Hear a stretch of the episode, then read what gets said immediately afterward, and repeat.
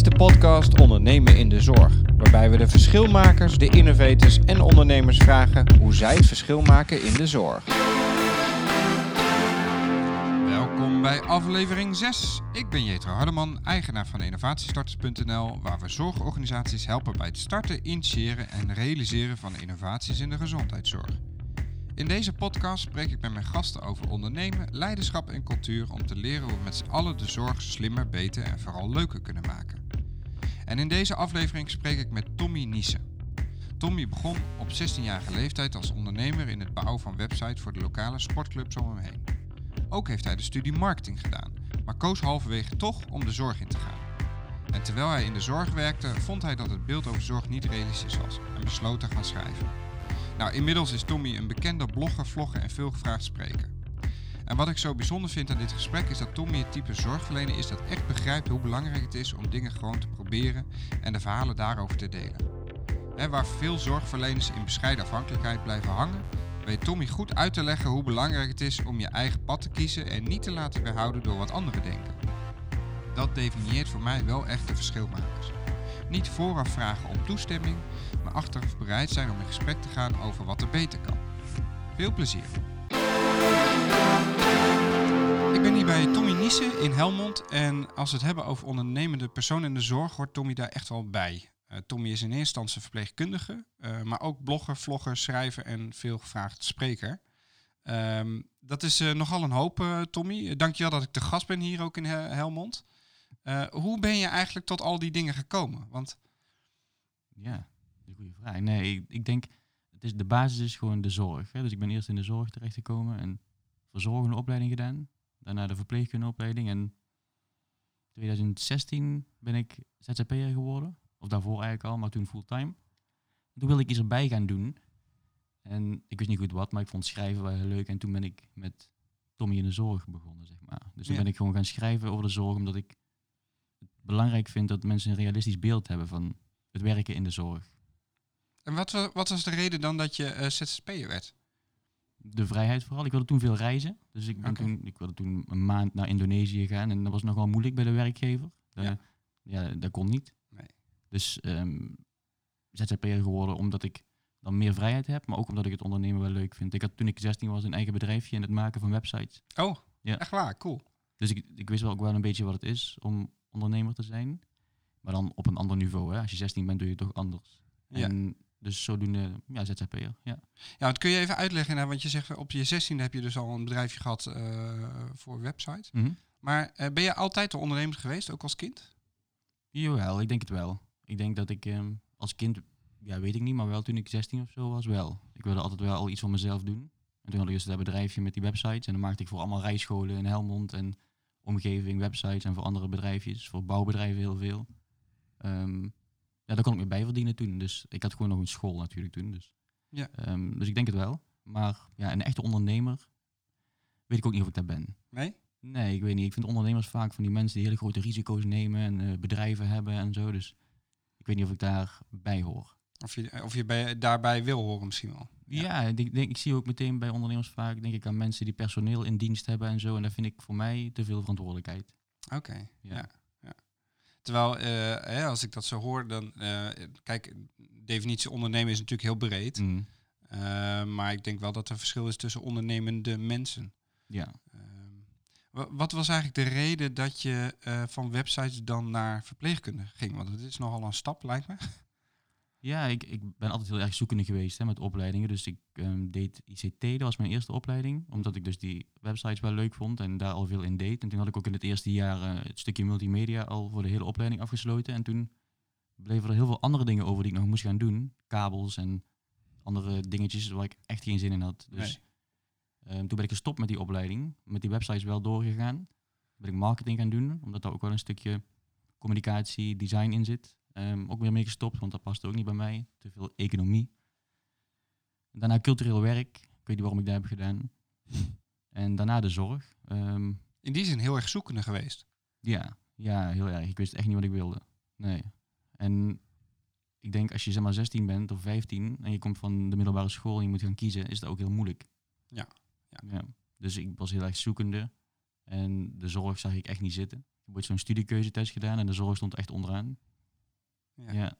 Maar toch maar een kans gegeven. Ja. En wat, eh, wat maakt nou dat je ehm, daar ook bent blijven plakken nu? Ja, dat is een hele goede vraag. Ik denk dat het. Ik heb nog nooit zo'n compleet gevoel gehad bij het werk. Dus dat had ik in de zorg wel. Dus ik heb al die opleidingen gedaan en steeds dacht ik, ja, ik doe het wel, kan het ook wel, maar ik voel niet, zeg maar, waarom ik dit doe. En bij de zorg had ik dat wel, omdat je heel direct iets voor andere mensen kunt betekenen. En dat geeft een goed gevoel. En daarom ben ik blijven plakken, denk ik. Omdat het gewoon goed bij me past. En waarschijnlijk al je kwaliteiten daarin kwijt kan. Of, eh, Ja, ik denk veel dingen wel. Ik denk veel dingen wel, omdat je... Ja, het, het is heel mooi. Je ziet heel direct effect van de dingen die je doet. En als je een computer bouwt, maak je mensen ook blij. Alleen op een hele andere manier. En bij zorg is het toch ja, persoonlijker, menselijker. En ehm, eh, wat jij vooraf al vertelde, is de, in de kern ben je verpleegkundige, maar daarnaast ben je eigenlijk heel veel andere dingen gaan doen. Mhm. Wat was het moment dat je bedacht, joh, ik ga ook eh, starten met eh, eigenlijk een nieuwe activiteit? Mm, Dus stopje in de zorg was gewoon online de stukjes schrijven, omdat ik het schrijven heel leuk vind. Ehm, dat was dan in 2016. En toen op een gegeven moment had ik toch wel wat meer volgers. En toen gingen mensen mij vragen of ik niet een keer een gastles wilde geven. Oké. Toen dacht ik, oh leuk, ga ik wel doen. Want ik was ook een beetje aan het oriënteren toen misschien docent verpleegkunde te gaan doen. Denk, nou kan ik dat op die manier mooi proberen. Mm, toen werd ik ook gevraagd voor workshops en een keer een lezing. En ik weet nog wel, voor mij een keer een lezing werd ik ook gevraagd. En toen ging ik vragen, nou, hoe ziet het eruit? Het was een heel groot publiek. Ik denk 900 mensen of zo. En toen dacht ik, oh, dat vind ik eng. Maar ik ga het wel doen.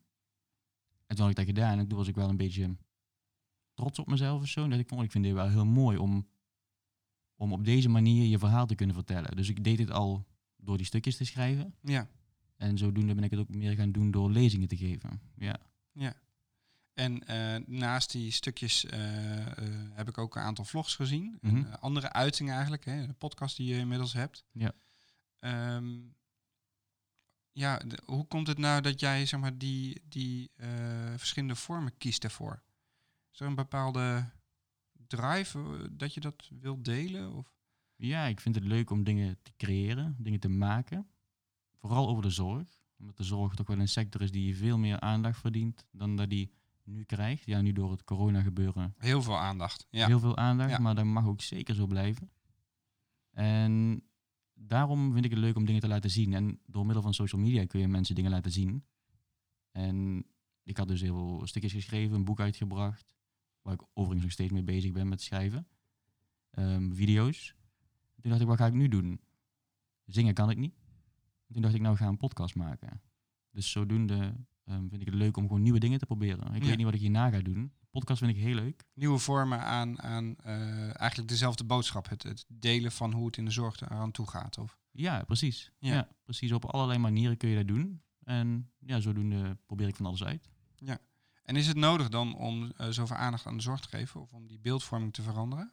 Mm, ik vind van wel, ja. Ik vind het ja, nodig. Dat ligt er natuurlijk aan. Ehm, ik denk dat de zorg dat die onderbelicht is. Vooral ouderenzorg. Mm. Ziekenhuizen zijn natuurlijk vaak in de media, zijn ook series over gemaakt en mensen hebben daar wel een beeld bij. Ja. Ouderenzorg hebben mensen geen beeld bij. Heel veel mensen niet. Nu, Nee. door, nu door het corona gebeuren wel. Ja.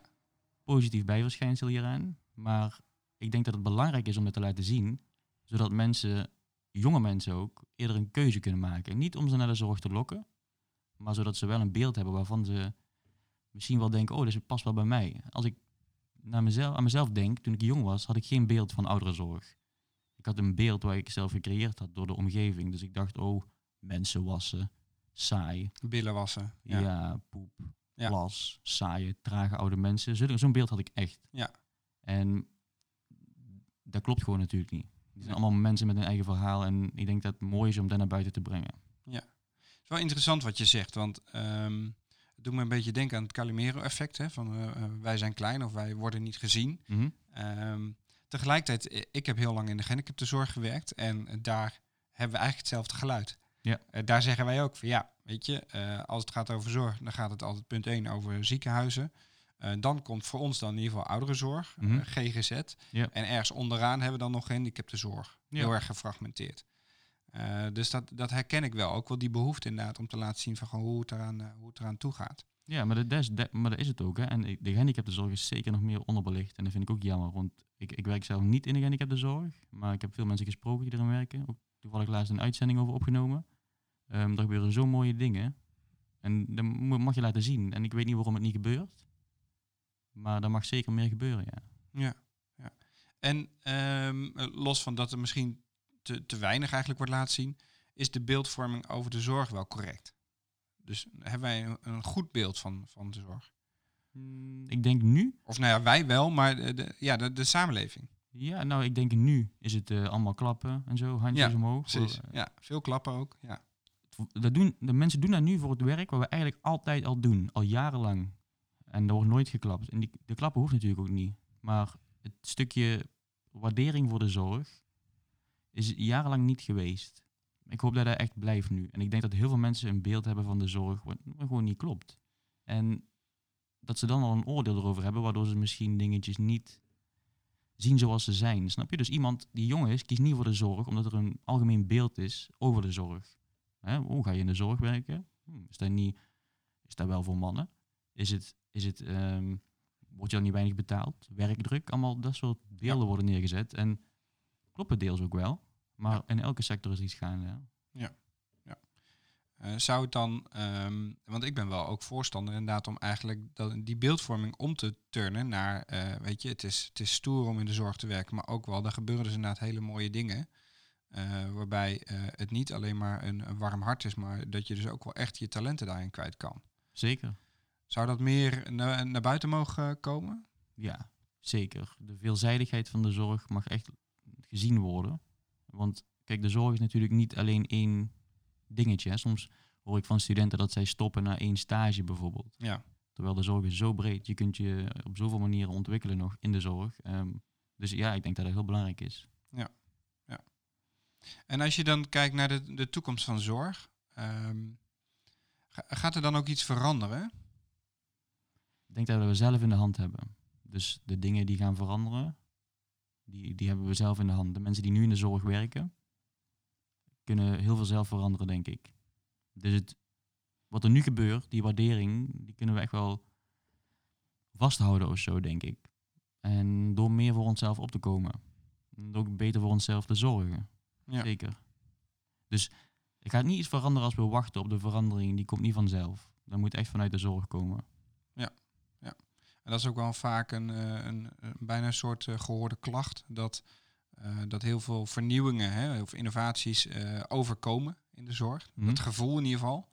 Terwijl volgens mij inderdaad eigenlijk alleen succesvolle innovaties succesvol zijn op het moment dat zorgverleners of, of patiënten het ook echt een meerwaarde vinden. Ja. Dus in die zin hebben we het altijd al zelf in de hand gehad. Alleen we hebben een soort gevoel gecreëerd dat we dat niet in de hand hebben. Ja, het overkomt ons allemaal. Zo'n gevoel heerst er wel eens ooit in de zorg. Het overkomt ons allemaal en zij bepalen wat er gebeurt. Terwijl ik denk, je kunt ook bij jezelf nagaan van nee, jij bepaalt wat er gebeurt natuurlijk. En als alle Ja. zorgverleners dat besef in veel eh, betere mate hebben, ik denk dat het heel goed zal zijn. Want je kunt zelf heel veel bepalen. Je hoeft niet alle open diensten te werken. Nee. Ja, Dus dan heeft ook te maken met eigenlijk een stukje leiderschap. zeker. Een stukje verantwoordelijkheid pakken, niet alleen voor, eh, voor het werk, maar eigenlijk ook voor jezelf. Zeker. En ja, maar, maar mensen denken al gauw, oh, en de patiënten dan? En mijn collega's dan? Ja. Maar je benadert die juist als je alleen maar doorgaat. Want uiteindelijk val je op langere termijn uit, kunnen je collega's het nog langer oplossen voor jou. Snap je wat ik bedoel? Dus Ja. je, mensen denken altijd van, oh, ik wil het goed doen voor mijn patiënten, maar eigenlijk doen ze het niet goed. Want ze cijferen zichzelf weg, gaan maar door, worden daardoor niet een aardige persoon en vallen op langere termijn uit. En al- met alle gevolgen van dien. En zijn er dan lessen vanuit jouw ervaring, eh, vanuit je bedrijfje wat je hebt gehad bijvoorbeeld, of vanuit eh, de marketingopleiding, die jij daarin gebruikt voor jezelf? Ja, ik denk dat het heel belangrijk is om nee te zeggen. En niet tegen alles natuurlijk, maar dat je heel goed nee kunt gaan zeggen. En niet altijd maar ja zeggen. En dat is een ding in de zorg. Mensen zeggen altijd maar ja. Ja, doe ik wel. Ja, doe ik wel. We gaan maar door. We gaan maar door. Terwijl je kunt ook nee zeggen. Ja. Als, als de een of andere organisatie of manager iets besluit, kun je er ook nee tegen zeggen. Ja. En dat gebeurt maar weinig. Er wordt dan misschien geklaagd over de dingetjes die uitgevoerd moeten worden, die bepaald worden door de hogere hand. maar er wordt niks aan gedaan. Nee. En dat is het stukje waar heel veel, aan, heel veel in veranderd kan worden. Ik, ik draai hem soms zelfs nog wel eens om. Dat eh, op het moment dat je actief ja zegt tegen iets, iets wat echt het belangrijkste is eh, in je werk of eh, persoonlijk, Mhm. dan is het bijna automatisch makkelijker om andere dingen nee te zeggen, om die keus te maken. Ja. Hier kies ik voor, dit is mijn prioriteit. Eh, en dus eh, zijn er andere dingen die minder prioriteit hebben. Maar als je nou kijkt tussen, ehm, ik noem het maar de, de, de ondernemende mensen in de zorg of de verschilmakers in de zorg versus eh, andere zorgmedewerkers. Mhm. Ehm, hebben we dan voldoende verschilmakers in de zorg? Voldoende mensen die echt werken aan een nieuwe type zorg? Jawel, ik denk wel dat er heel veel mensen zijn die nu daarmee bezig zijn, ja. Ja, en er zijn ook mensen die daar niet mee bezig zijn. En dat is ook prima. Ja. Ja, ik denk dat ja, als iedereen het verschil wil maken, dan hebben we ook een probleem. Maar ik denk wel dat er heel veel mensen nou bezig zijn met eh, op een nieuwe manier naar zorg kijken. En op een... Ja, dat merk ik wel. Ja. Ja. En toch lijkt het maar langzaam te gaan. Hè? Lijkt het toch hardnekkig eh, om bepaalde dingen te vernieuwen in de zorg. De zorg is een hele trage sector. Ja, dus dingen, neem nou social media bijvoorbeeld. In bedrijven is dat al lang gewoon een dingetje. Dat, dat wordt opgepakt. Ja. In de zorg zijn ze er nu pas mee bezig. Ja. Oh ja, we moeten eigenlijk ook iets met social media doen. Maar waarom is dat dan? Ze zien de meerwaarde denk ik niet van nieuwe dingen. En ze zijn heel bang om dingen uit te proberen. Omdat ze misschien bang zijn, oh, privacy of of het kan fout gaan. Of, terwijl je kunt beter dingen gewoon omarmen en gewoon gaan doen. Ja, Want anders gebeurt er helemaal niks. En ik merk dat de zorg daar best wel traag in is. En ik weet niet hoe oud de gemiddelde bestuurder is. Misschien speelt dat ook mee. Dus ik denk dat ehm, de zorg daarom wel een beetje traag is, ja. En er zou meer mogen gebeuren, zeker social media. De hele jonge doelgroep zit daar. Dus als je die mensen wil bereiken, dan moet je daar toch echt wel actief zijn. Ja. Op een goede manier. Hè? Niet gewoon iemand van HR of zo een beetje op Facebook dingen laten delen. Gewoon naar een bedrijf toe gaan die daar goed in is en daar goed over nadenken. Ja. En er zijn organisaties die dat goed doen hoor. Niet allemaal zijn ze zo, maar er zijn ook heel veel die denken, nou, doen we wel even erbij. maar wat, wat kenmerkt zo'n organisatie dan? Zo'n ondernemende organisatie? Ja, ik denk toch dat ze, Hebben ze meer doelkracht? ja, zeker. Ja, ja gewoon, maar die, die nemen gewoon alles serieus. Die nemen dus social media ook serieus. Die nemen, ehm, die nemen hun marketing serieus. En marketing en zorg klinkt misschien een beetje raar, maar marketing is niet meer dan jezelf gewoon profileren, omdat je wil laten zien dat je goede dingen doet, toch? Ja. Ja. Ja. Dus de, de zorg mag daar zeker meer doen. Het, nou, en dat is misschien ook wat lastiger. Er zit altijd een soort nasmaakje in waarbij veel zorgverleners al bijvoorbeeld afhaken. Als het gaat om marketing of als het gaat om ondernemen, dan denken ze ja, nee, maar wij zitten in de zorg. Mhm. Ehm, waarbij ze soms onvoldoende begrijpen hoe belangrijk het eigenlijk is. Ja, ja, zeker. Maar ja, marketing hoeft niet per se negatief te zijn natuurlijk. Hè. Ik denk dat, ehm, ja, dat UNICEF doet ook aan marketing en Ja. allerlei bedrijven doen aan marketing. Dus het is gewoon logisch dat je daarmee bezig moet houden. Je moet natuurlijk ook wel laten zien wat je doet. Ja. ja anders ben je eigenlijk niet eens een organisatie, vind ik. Zouden dat soort nou ja, vakken, lessen eh, eigenlijk dan meer in het eh, curriculum moeten komen? Ja, ik denk dat je heel goed moet kijken naar de mensen die het graag willen doen. Dus als je daar mensen... ehm, Er zijn zorgverleners die dat heel graag willen doen. Maar dan moet je ook kunnen. Dus je moet daar wel... En de motivatie voor hebben. En ook gewoon ja, de drive of zo om dat te willen doen. En dan... Ik denk dat er heel veel zorginstellingen zeg maar, ehm, best wel kunnen kijken naar de zorgverleners die dat willen doen. Maar dan moeten ze dan niet erbij krijgen, zeg maar. Dus niet gewoon 40 uur in de week in de zorg werken en daarbij nog eventjes de marketing voor de hele organisatie. Dat kan niet. Nee. En ik doe nou veel van die workshops geven, bijvoorbeeld. Hè. Vlogworkshops, blogworkshops. En dat is mooi, want dan eigenlijk eh, is dat ook een vorm van marketing. Hè. Het is gewoon influencer marketing, of hoe noem je het? Ehm, Ja. In ieder geval, dat, dat stukje is heel belangrijk. Maar dan moeten die mensen ook wel het gevoel hebben dat ze ook trots zijn op de organisatie waar ze werken. En daar merk ik ook niet overal. Nee, nee. Heb je enig idee hoe dat dan komt? Dat mensen niet altijd trots zijn op hun organisatie? Want juist in de zorg is, is dat waar mensen op drijven. Die doen het niet voor het geld, want dan hadden ze wel iets anders gekozen. Die doen het juist op waardering, trots, autonomie.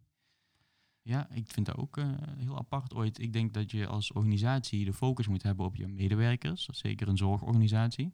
Want die doen de rest vanzelf. En dat gebeurt ook misschien wel heel weinig. Bij sommige organisaties heel goed hoor. Maar bij andere organisaties dan eh, kijken ze misschien te veel naar de cijfertjes. En niet genoeg naar de mensen die voor die cijfertjes zorgen uiteindelijk. En ik denk dat daar een fout is. Denk je dat, eh, dat de mensen die nu in een zorgorganisatie werken dan ook de juiste mensen zijn om, ehm, nou ja, om, om zorg naar de toekomst te brengen? Of is er misschien een ander type zorgmedewerker nodig? Ja, ik denk een ander type. Ja, ik denk wel dat jonge mensen zijn sowieso meer bezig met de dingen waar we nu over spreken. Hè? Dus die komen vanzelf de zorg in. En dan moet er nu wel actie ondernomen worden. Ehm, je hebt ook zorgverleners die gewoon willen zorgen. En Ja. voor de rest niks willen doen. En dat is mooi. Dat is prima. Die mensen hoeven dat ook niet te doen. Ehm, wat er nu gebeurt, is denk ik dat heel veel dingen opgelegd worden. Dus die zelfsturende teams, dan hebben ze allemaal taakjes, die moeten ze verdelen onder de medewerkers. Ja. En dan gaan ze gewoon zeggen, nou zuster Annie, jij gaat voortaan hier eh tien taken doen of eh, weet ik veel. Eh, de bedrijfsvoering binnen het team. Terwijl zuster Annie zit daar niet op te wachten. Die wil dat niet doen. En zo moet het niet gaan. Want je moet wel gemotiveerd zijn vanuit jezelf om iets te doen. Dus. En ik denk dat jonge mensen dan dat stukje beter doen of zo. Of meer, meer willen omarmen. Nou ja, dat, dat vind ik wel. Eh, ehm, ik heb dat heel lang gedacht, eh, maar het gevaarlijk vond ik wel. Ik, ik heb een keer voor studenten gestaan. Ehm, en wat ik toen merkte wa- was dat zij eigenlijk nog conservatiever dachten over zorg en over bijvoorbeeld innovatie of ondernemen. dan dat eh, mensen binnen een organisatie erover dachten. Dus toen, toen realiseerde ik me wel van hé, hey, als we het imago, hè, dan komen we eigenlijk terug bij waar we starten, Mhm. als het imago een bepaald eh, beeld geeft over wanneer je de zorg ingaat, dan creëer je ook juist die type mensen eh, die de zorg ingaan. Terwijl we op zoek zijn naar, eh, eh, denk ik, inderdaad zorgmedewerkers die mee kunnen, hè, die vanuit hun generatie inderdaad eigenlijk de nieuwe technologieën meenemen en dat weer integreren in Ja. nog betere zorg. Ja, daar heb, je, daar heb je gelijk in. Ja. Ik denk wel dat dat klopt. Maar dat, dat het ook vaak zo is als een student gaat te zorgen met allerlei nieuwe ideeën. En vervolgens komt hij bij Ja. van die afgestompte zorgmedewerkers. Ja. En dan verandert hun visie heel snel. Ja. En Hebben we al geprobeerd, werkt hier niet. ja, is niet hebben we al mij. gedaan. is Ja. al geweest, inderdaad. En dan, dan ja, dat werkt ook niet echt eh, goed voor die leerlingen. Nee. Nee, nee. En, en toch zijn er, hè, ook daar zijn er dan eh, een soort, als we een scheiding moeten maken, zijn er mensen die zich daardoor laten afstompen. Mhm. En mensen die eh, daar toch nog een succes weten te maken. Die wel het verschil weten te maken binnen een organisatie of overkoepelend. Ehm, heb je enig idee wa- wat, wat het verschil is daartussen? Mm, Dat is moeilijk te zeggen, denk ik. Ik denk dat ehm, sommige mensen kunnen beter tegen die weerstand. Dus als je een idee hebt en alle collega's tegen, zeggen tegen jou, hm, misschien niet zo slim, moet je niet doen, hebben we al gedaan. Dan kun je denken, oké, nou hou ik ermee op. Maar je kunt ook bij jezelf denken, oké, dat ga ik dan zelf wel uitvinden. Ja. En ik herinner mij nog dat ik ZZP'er wilde worden. Dat iedereen zei, ja, maar dan komt de belastingdienst en dan moet je administratie doen en je pensioen. Terwijl ik heb het zelf nog niet zo ervaren, maar ik ben het toen toch maar gewoon gaan doen. En ik ben er blij mee geworden. Ja. Terwijl al die andere mensen die mij zo de, die adviezen gaven, waren geen ZZP'er of zo. Dus ik weet niet waarom ik dit voorbeeld geef, maar Nou moet je, moet je een beetje eh, een doorzetter zijn. Ja, maar ook je eigen, ook in, je, in jezelf geloven, denk ik. Dus die mening van andere mensen, die is prima, die mogen ze hebben. Maar je moet denk ik zelf ondervinden als je iets wil gaan doen. Dus als jij, als er iemand tegen jou zegt, je bent bijvoorbeeld verzorgend en iemand zegt, ja, verpleegkunde is denk ik wel te hoog gegrepen voor jou. Dat is echt pijnlijk, weet je wel, dan, terwijl Ja. je misschien wel wil. Maar door die zo'n opmerking kun je echt geraakt zijn. Ja. Je moet dan denken, nou prima, dat mag jij vinden, maar ik ga het gewoon toch proberen. Ja. En zo kom je er alleen maar achter. Maar als je er dus, als je zeg maar dus dingen laat blokkeren door andere mensen, dat is denk ik niet goed. En dat gebeurt ook wel veel in de zorg. Ja. Dat gebeurt overal veel natuurlijk. Nee, dat is wel interessant, want eh, de vorige podcast sprak ik met Jenneke Ewals. En dat is eh, founder van Talent for Care. Mhm. eh, waarbij ze trainees eigenlijk opleidt voor in de zorg. En met haar heb ik ook een persoonlijkheidstest gedaan. Die gaan we zo meteen met jou nog bespreken. En daar kwam uit dat ze, ehm, ehm, nou ja, niet egoïstisch, maar wel heel duidelijk een focus heeft voor wat zij wil. Mhm. En dat zeg maar voorop staat. En we kwamen er toen ook wel achter inderdaad dat dat heel belangrijk is om je doelen te bereiken. Om dus inderdaad niet te snel mee te gaan in meningen van anderen, maar door te kunnen zetten Mhm. eh, voor jezelf. Ehm, maar dat staat vaak haaks op ehm, eh, mensen die er voor anderen willen zijn. Mhm.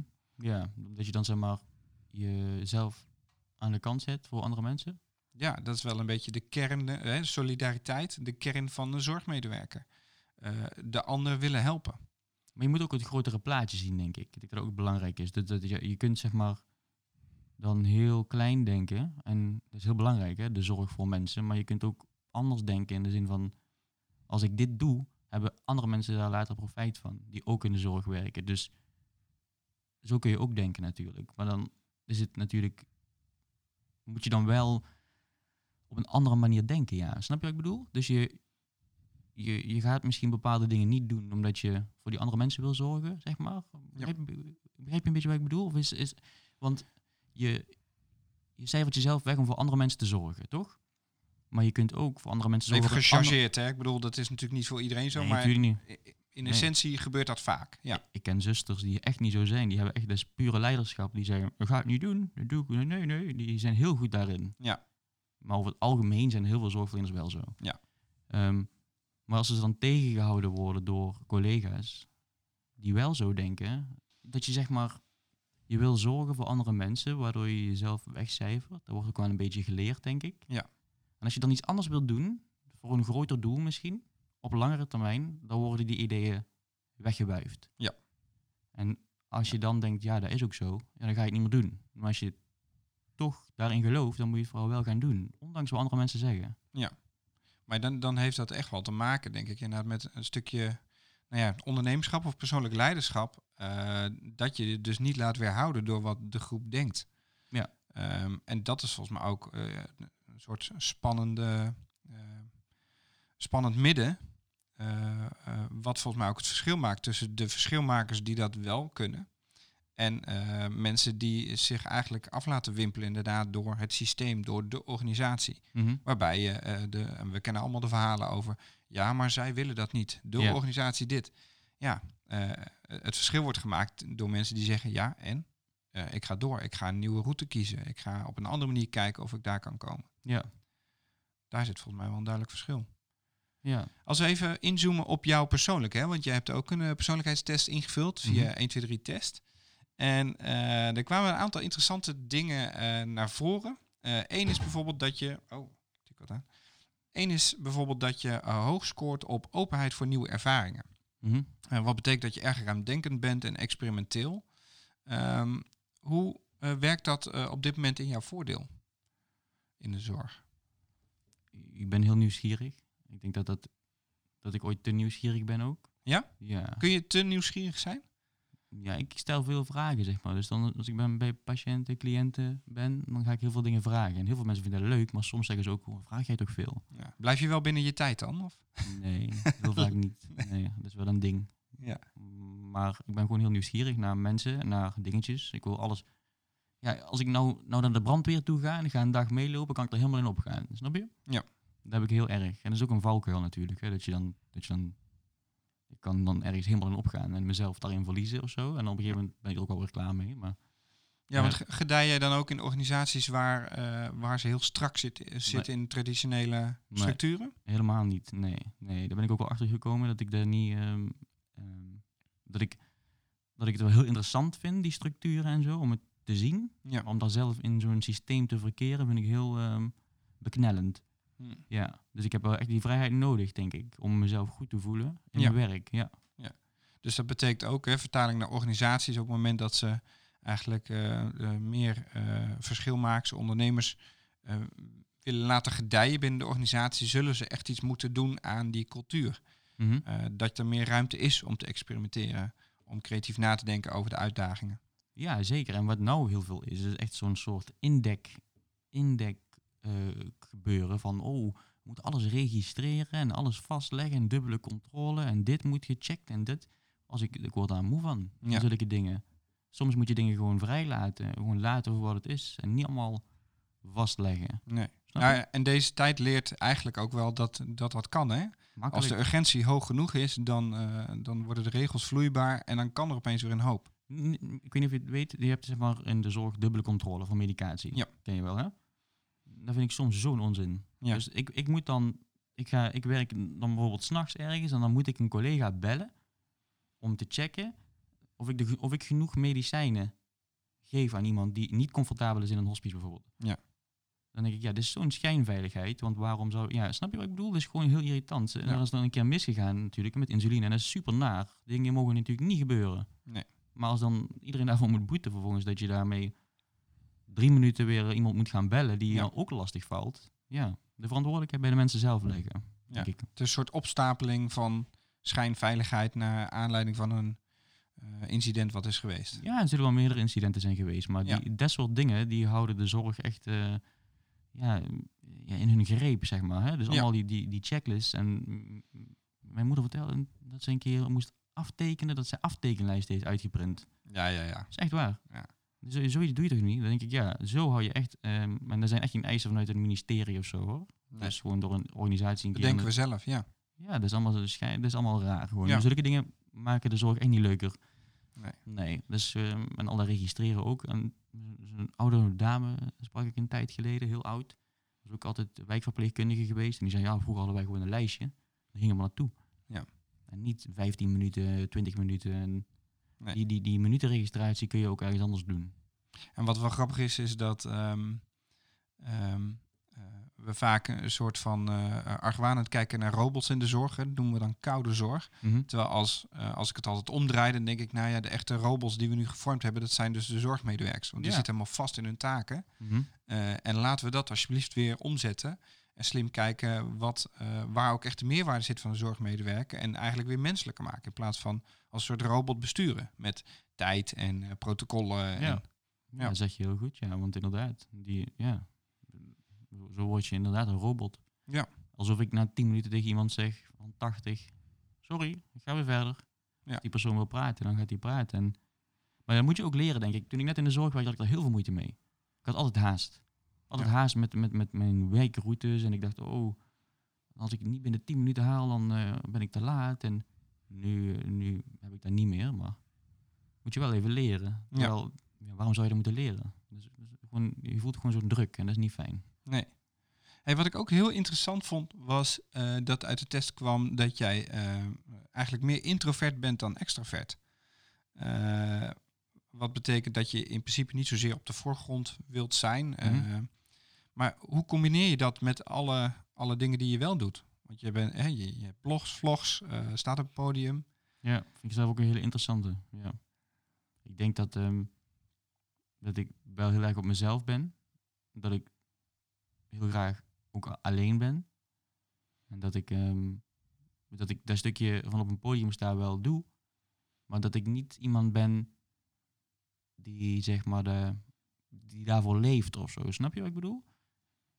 Ehm, ik vind het heel leuk. Ik haal er heel veel voldoening uit. Maar het kost ook energie.